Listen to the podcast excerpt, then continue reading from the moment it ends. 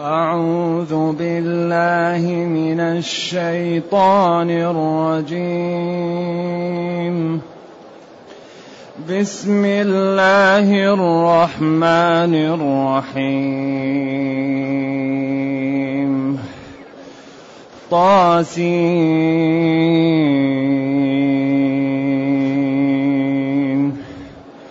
تلك آيات القرآن وكتاب مبين. هدى وبشرى للمؤمنين الذين يقيمون الصلاة. الذين يقيمون الصلاة ويؤتون الزكاة ويؤتون الزكاة وهم بالآخرة هم يوقنون. إن الذين لا يؤمنون بالآخرة زينا لهم أعمالهم زينا لهم أعمالهم فهم يعمهون. أولئك الذين لهم سوء العذاب وهم في الآخرة هم الأخسرون وإنك لتلقى القرآن من لدن حكيم عليم وإنك لتلقى القرآن من لدن حكيم عليم إذ قال موسى لأهله إني آنست نارا إني آنست نارا سآتيكم منها بخبر سآتيكم منها بخبر بخبر أو آتيكم بشهاب قبس لعلكم تصطلون فلما جاءها نودي أن بورك من في النار. نودي أن بورك من في النار ومن حولها. ومن حولها وسبحان الله. وسبحان الله رب العالمين. يا موسى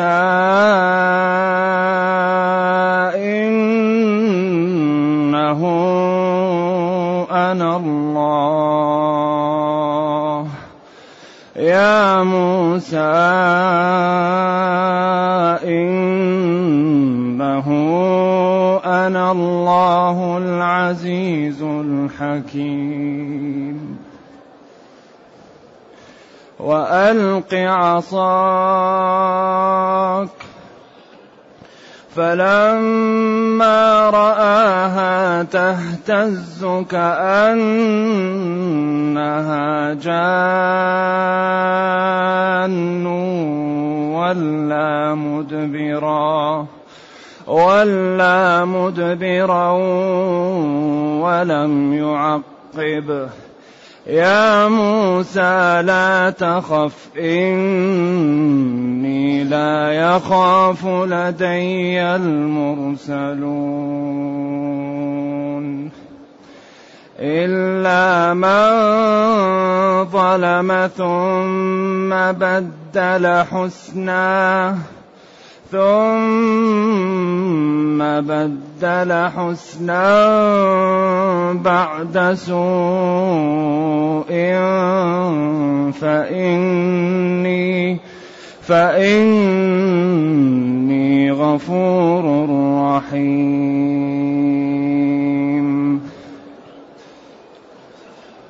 الحمد لله الذي أنزل إلينا أشمل الكتاب وأرسل إلينا أفضل الرسل وجعلنا خير أمة أخرجت للناس.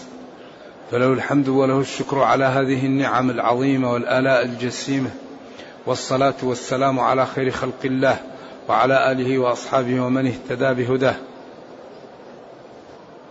أما بعد فإن هذه السورة تسمى سورة النمل.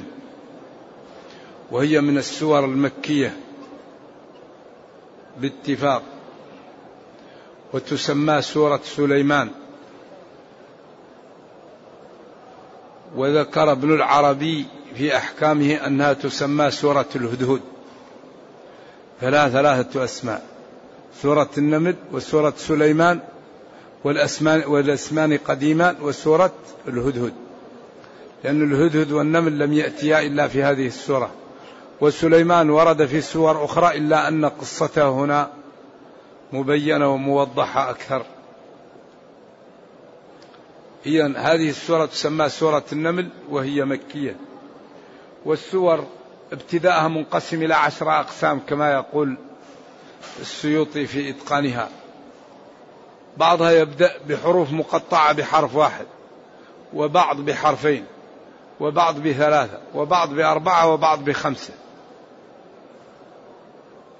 وبعض يبدأ بفعل مضارع وبعض بفعل أمر وبعض بفعل ماضي وبعض بحرف قد أفلح والتين قسم. وبعض يبدأ بتقديس الله وتنزيهه سبح لله الحمد لله. وبعض يبدأ بالنداء نداء المؤمنين أو نداء لجميع الخلق. يا أيها الناس اتقوا ربكم. يا أيها الذين آمنوا أوفوا بالعقود.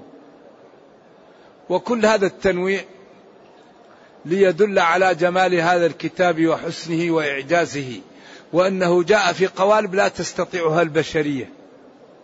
نعم.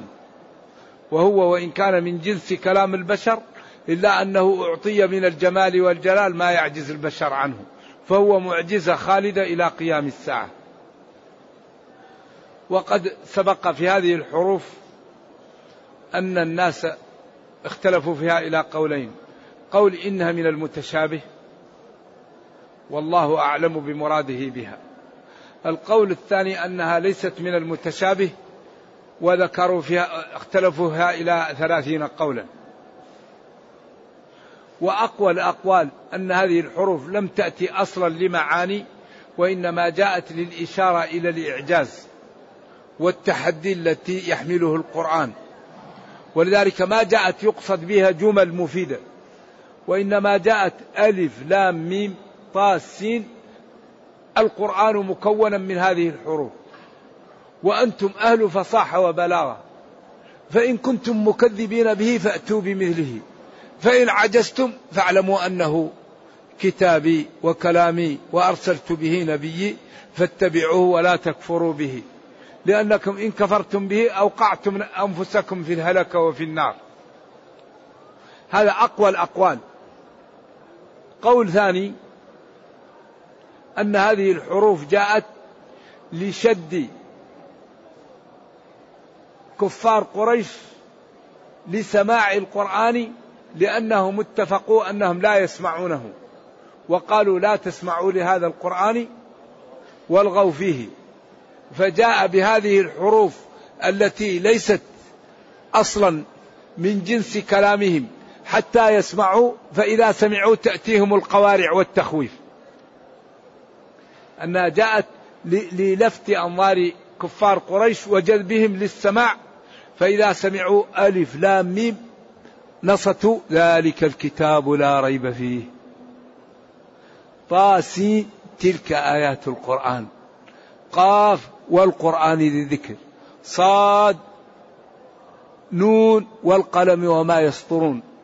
قاف والقرآن المجيد بل عجبوا. كل ما استمعوا تأتيهم القوارع وقد ذكر كبير المفسرين عشر أقوال في الحروف المقطعة في أول سورة البقرة وقال إن الأقوال أنها كلها صحيحة. وأن كل قول قاله أحد فيها فهو إيش؟ له وجه من النظر. إذا طاسين تلك إشارة للبعيد. آيات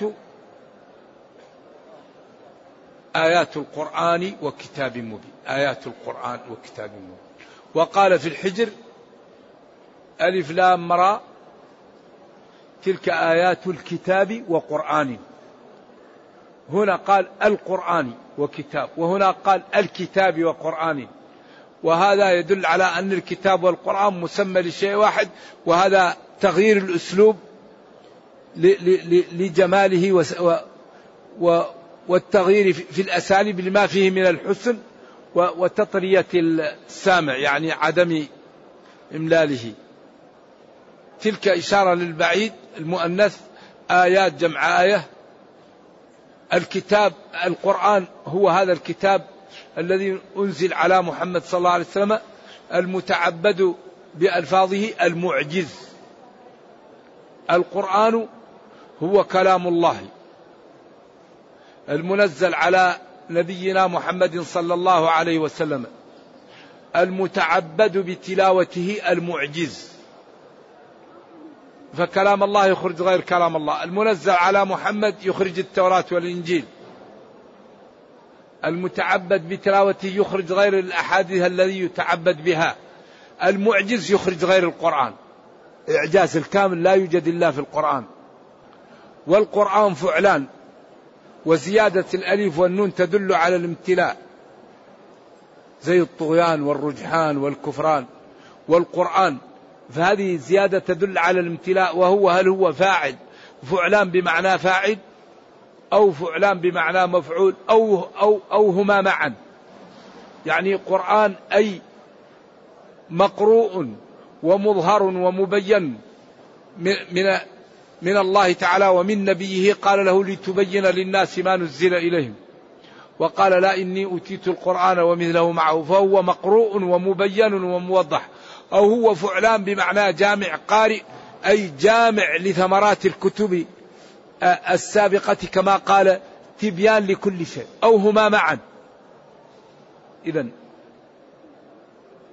آيات والآيات جمع آية والآية هي العلامة وهو الجزء من القرآن المعروف. عرفت آيات الله فتوهمتها؟ إن آية ملكه أي علامة ملكه. فالآية من القرآن دلالة على صدق النبي صلى الله عليه وسلم وعلى أن هذا الكتاب من عند الله. وكتاب مبين أي واضح لا لبس فيه. يدعو لكل خير وينهى عن كل شر. وفيه السعادة وفي تركه الضياع والشقاء. هدى وبشرى للمؤمنين. هدى وبشرى. اختلفوا في إعراب هدى وبشرى. قيل حال وقيل مصدران. يهدي هدى ويبشر تبشيرا. وقيل في حال كونه هاديا ومبشرا. للمؤمنين. هدى وبشرى لمن؟ للمؤمنين. يفهم من هذا الأسلوب أن غير المؤمنين القرآن ليس هدى لهم ولا بشرى. وهذا المفهوم مبين بمنطوق آخر. كما قال هدى لمن؟ للمتقين. فيفهم أن غير المتقين القرآن ليس هدى لهم وقال هدى وبشرى للمؤمنين. أما الكافرون الذين لا يؤمنون في آذانهم وقر وهو عليهم عمى عياذا بالله. القرآن للكفرة لا يجدون لا يطيقونه عياذا بالله. من من طمس الله عليه هدى وبشرى للمؤمنين. المؤمنون من اتصفوا بإحدى عشرة جملة. آمنوا بالله وملائكته وكتبه ورسله واليوم الآخر وبالقدر خيره وشره. وشهدوا أن لا إله إلا الله وأن محمد رسول الله وأقاموا الصلاة وآتوا الزكاة وصاموا رمضان وحجوا البيت إن استطاعوا إلى ذلك سبيلا. إذا هدى وبشرى للمؤمنين. يهديهم ويدلهم على الطريق ويبشرهم بما فيه من الفوز للمؤمنين الذين عملوا بهذا القرآن. بعدين قال الذين يقيمون الصلاة للمؤمنين الذين نعم صفة للمؤمنين أو هم الذين يقيمون الصلاة. القرآن دائما والسنة لا يأتوا بالصلاة إلا بالإقامة. يقيمون يقيمون. ما قال يؤدون؟ وقال هدى للمتقين الذين يؤمنون بالغيب ويقيمون. وفي الحديث ما أقاموا الصلاة. لأن الإنسان قد يؤدي الصلاة لكن يؤديها باطلة يؤديها غير صحيحة. لكن الإقامة تلتزم الشروط والأركان والواجبات والسنن والأنداب. ذلك تعابير القرآن والسنة في غاية من الدقة والجمال. يقيمون. يقيمون الصلاة. يأتوا بشروطها التسعة. وبأركانها الأربعة عشر وبواجباتها وبسننها وأندابها. وقد اتفق الأئمة الأربعة على أن تارك الصلاة حياته غير شرعية. لا يخالط الناس. فالإمام أحمد قال في المشهور عنه وفيما عليه الفتوى أن الذي يترك الصلاة تكاسلا كافر. وقال العهد الذي بيننا وبينهم الصلاة فمن تركها فقد كفر. ليس بين العبد والشرك إلا ترك الصلاة. من ترك الصلاة فهو مع فرعون وهامان وقارون وأبي بن خلف. إذا قال من ترك الصلاة كافر. أبو حنيفة قال من ترك الصلاة يسجن ويضرب حتى يصلي أو يموت. وهذان المذهبان واضحان. مذهب أحمد ومذهب أبي حنيفة. لأن أبي حنيفة قال لا يحل دم امرئ مسلم إلا بإحدى ثلاث كفر بعد إيمان وزنا بعد إحصان وقتل النفس المؤمنة عمدا بغير ذنب. وقال وتارك الصلاة لا يدخل في هذا إذا يسجن ويضرب حتى يصلي أو يموت. يبقى في السجن ويعزر حتى يصلي أو يموت. الإمام أحمد قال هو كافر وفي الحديث الصحيح من بدل دينه فاقتلوه. بقي مذهب مالك والشافعي قالوا ليس بكافر وقالوا يقتل. فلم يقولوا بقول أحمد لأن فيه نص من بدل دينه فاقتلوه. ولم يقولوا بقول أبي حنيفة يعزر ويضرب ويسجن حتى يصلي أو يموت. قالوا يقتل حدا. طيب ما أدلة مذهب أبي حنيفة آه، الشافعي ومالك؟ ما الذي استدل به مالك والشافعي؟ استدلوا بمفاهيم المخالفة الموجودة في الكتاب والسنة أن الذي يصلي لا يقتل. يفهم من الدليل الخطاب أن الذي لا يصلي يقتل.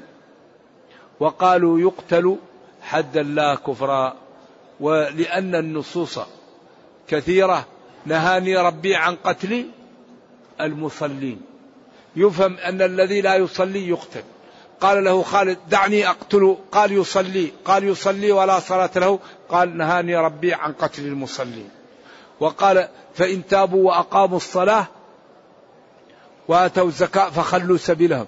يفهم أنهم إذا لم يقيموا الصلاة لا يخلى سبيلهم. اذا استدلوا بكثرة المفاهيم الموجودة أن الذي يصلي لا يقتل. نعم. أقاموا الصلاة وآتوا الزكاة المفروضة. والزكاة قرينة الصلاة. ولذلك أبو بكر لما قال له عمر كيف تقاتل من ترك الزكاة قال هي قرينة الصلاة. والله لو منعوني عناقا. وفي رواية عقالا كانوا يؤدونه لرسول الله لقاتلتهم. فقال عمر فعلمت أن هذا هو الحق. لكن قاتلهم عليها. والذي يمنع الزكاة تؤخذ منه وشطر ماله. والزكاة مبينة. لأن الأموال نوع حولي. لا بد أن يحول عليه الحول فيدفع الزكاة منه ونوع عند الحصاد. الزروع لا يلزم فيها الحول لأن الله قال وآتوا حقه يوم حصاده. وليس فيما دون خمسة أوسق صدقة. نعم. والوسق ستون صاعا. ستة في خمسة كم؟ 300 صاع تقريبا. اللي أقل من هذا لا يلزم فيه شيء. وبعدين ليس فيما دون خمسة ذود صدقة. في أربعين شاه شاه في ثلاثين من البقر تبيعة. وليس فيما دون مئتي درهم صدقة من الفضة وليس فيما أقل من عشرين دينار شيء من المال. ولذلك عروض التجارة كلها تقاس بالذهب أو الفضة والإنسان إذا كان عنده تجارة سواء كانت عمائر أو أراضي أو بضائع إذا حال عليها الحول يعدها ويدفع 2.5% منها. أما إذا كانت الدور للإيجار والأراضي للإيجار أو للسكن الزكاة فيما يخرج منها. أما إذا كان هو يبيع ويشتري في البيوت وفي الأراضي إذا حال عليه الحول يقوم الموجود ويدفع 2.5% إذا في فرق من يشتري البيوت ليؤجرها للناس ويشتري الأراضي ليسكنها أو ليبنيها ليؤجرها وبين من يبيع ويشتري في العماير وفي الأراضي. فالذي يبيع ويشتري في العماير والأراضي إذا حال عليه الحول يدفع الزكاة.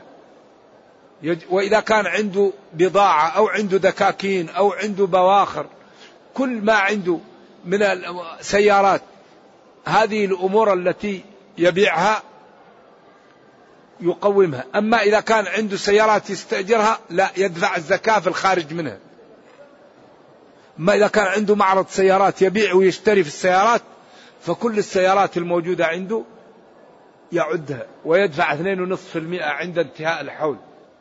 الديون الذي التي عليه ينبغي أن يخرجها قبل أن تحل الزكاة. فإذا حلت الزكاة وعليه ديون يدفع ما لكن ينبغي أن يقضي ديونه قبل أن تحل فيه الزكاة. أما إذا حلت الزكاة ولو عليه ديون يدفع الزكاة. ليش ما يدفع؟ ما, ما يقضي ما عليه من الديون قبل أن تحل عليه الزكاة؟ فدين الله أحق وش بالقضاء. وينبغي لمن عنده مال أن يخرج زكاته. والزكاة يقف فيها الشيطان. الواحد يمكن يدفع أموال لكن إذا جاءت الزكاة تكون ثقيلة على النفس لأنها تطهر المال وتطهره وتبارك في المال وفي العمر. وعدم الزكاة يجعل المال لا بركة فيه. خذ من أموالهم صدقة تطهرهم وتزكيهم بها. هو طهرة للمال وزكاة لصاحبه. لكن الشيطان يحول بين كثير من التجار وبين الزكاة. فإذا جاء الحول يأخذ قماش ويجعله بسعر عالي على الفقير ويأخذ بضاعة دنيئة ويعدها على الفقير. لا. ولا تيمموا الخبيث منه تنفقون. أنت عد القماش واعطيه نسبة الثمن. ليس مرتفع ولا وكس تأتي بثلاثة. ويقوم المال. وبعدين أنت تأخذ بالوسط. ثلاثة ثقات يحسب ما عندك ويجعل لك قيمة ليست من أعلى ولا من أسفل وهم الثلاثة تأخذ متوسط ما قالوا وتدفع حق الفقراء. والشيطان دائما يحول بين بعض الأغنياء وبين إيش؟ الزكاة لينجسه وينجس ماله وينزع منه البركة. والشيطان لنا عدو. فيقف في وجه العبادات. ويؤتون الزكاة وبالآخرة هم يوقنون. وهم بالآخرة هم يوقنون. وهم بالآخرة يوم القيامة هم يوقنون. لا غيرهم من الشرائح التي كفرت وفسدت. قصر إضافي. أولئك جاء بهذه الشريحة. ثم أتى بالشريحة الآخرة. والقرآن ينتهي على هذا. إن الذين لا يؤمنون بالآخرة زينا لهم أعمالهم فهم يعمهون. أولئك الذين لهم سوء العذاب وهم في الآخرة هم الأخسرون. إن الذين لا يؤمنون بالآخرة. إن توكيد. الذين موصول. لا يؤمنون صلة الموصول بالآخرة. زينا لهم أعمالهم. هؤلاء الذين كفروا أعوذ بالله الله تعالى يعمي بصائرهم فيزين لهم الضلال فيسيروا حتى يقعوا في الهلكة فهم يعمهون العمى هو عمى البصيرة يغرق في الشهوات وفي الكلام الحرام وفي السخرية من الدين وفي الكذب وفي الظلم. يعمهون. أولئك الذين لهم سوء العذاب العذاب السيء أسوأ العذاب.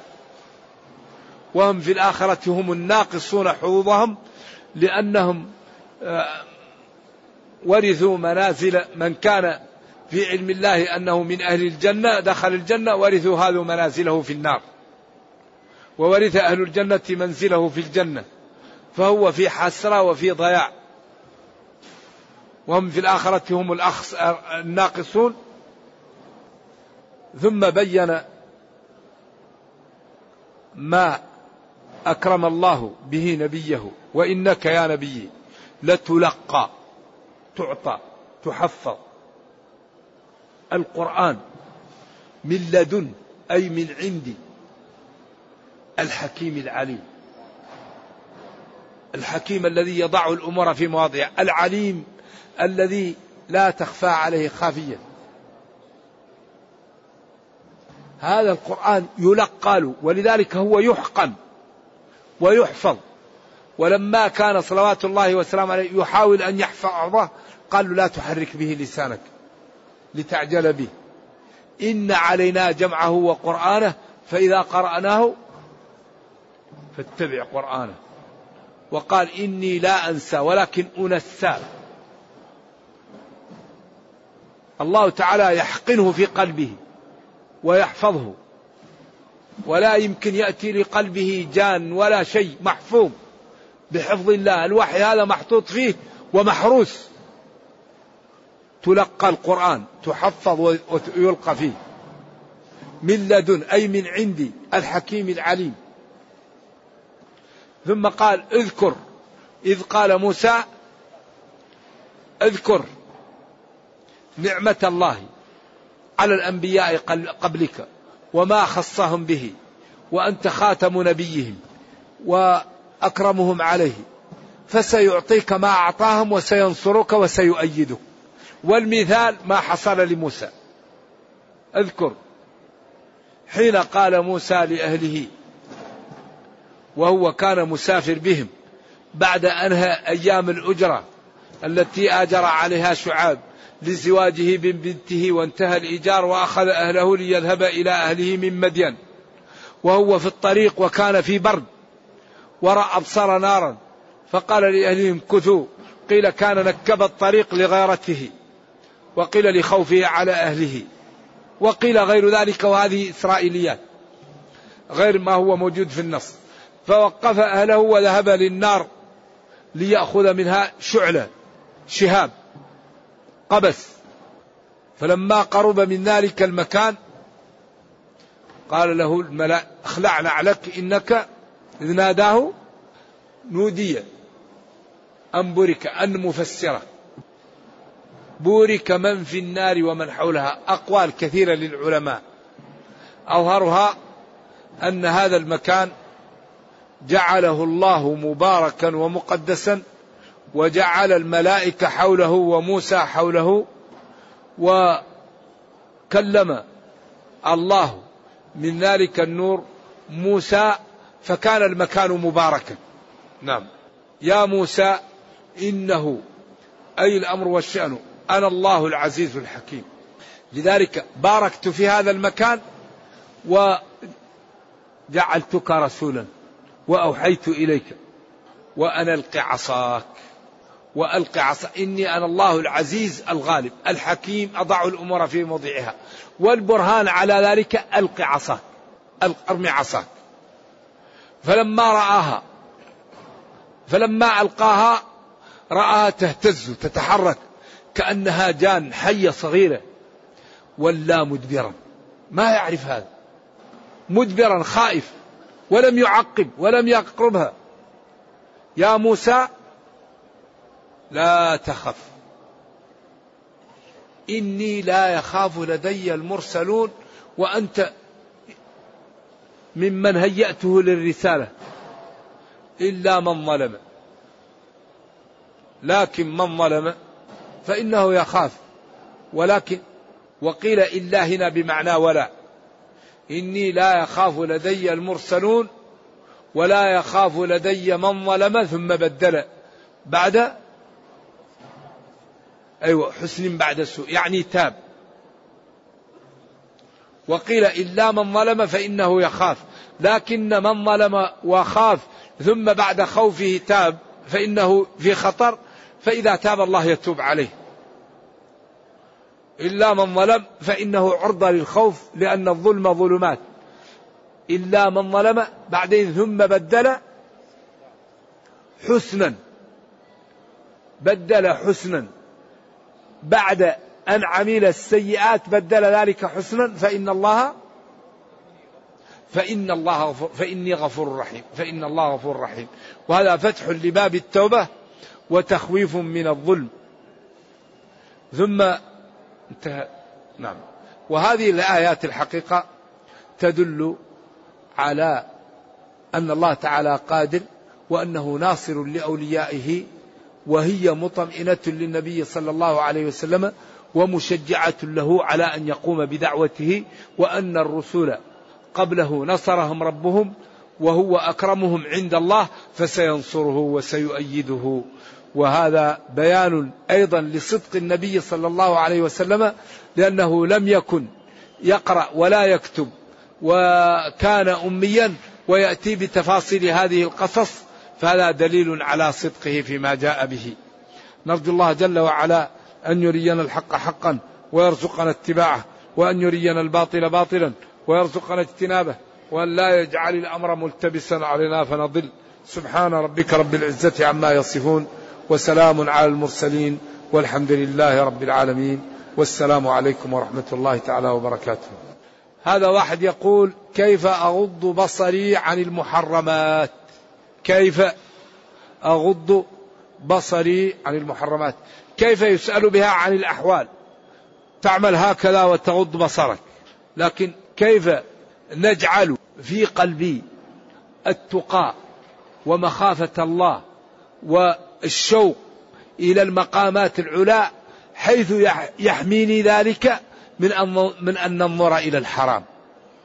لأن الذي يغض بصره عن الحرام هو من في قلبه التقى من في قلبه خوف الله من في قلبه أن يكون من الصالحين من في قلبه أن يكون من أصحاب الغرف. ولذلك الشاب التقي الذي أعطاه الله الجمال وأحبب الله إليه جعل أبو أباه يحبه محبة عجيبة. يوسف كان يعقوب يحبه أكثر من عشرة إخوة. قالوا إن أبانا لفي ضلال نحن عصبة. يختار عنا يوسف.